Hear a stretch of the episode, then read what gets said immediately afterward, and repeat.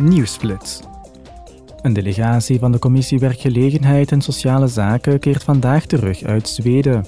De betrokken parlementsleden spraken met ministers, sociale partners en NGO's over de prioriteiten van het land voor het komende Zweedse voorzitterschap van de Raad.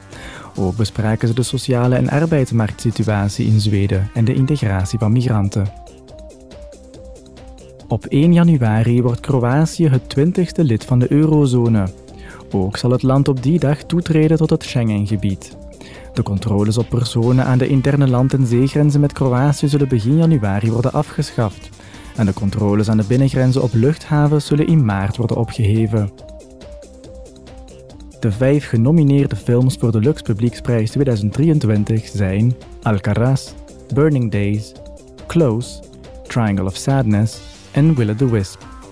Kijkers in de hele EU kunnen de films beoordelen op een schaal van 1 tot en met 5. De winnaar wordt voor de helft gekozen door het publiek en voor de helft door de leden van het Europees Parlement.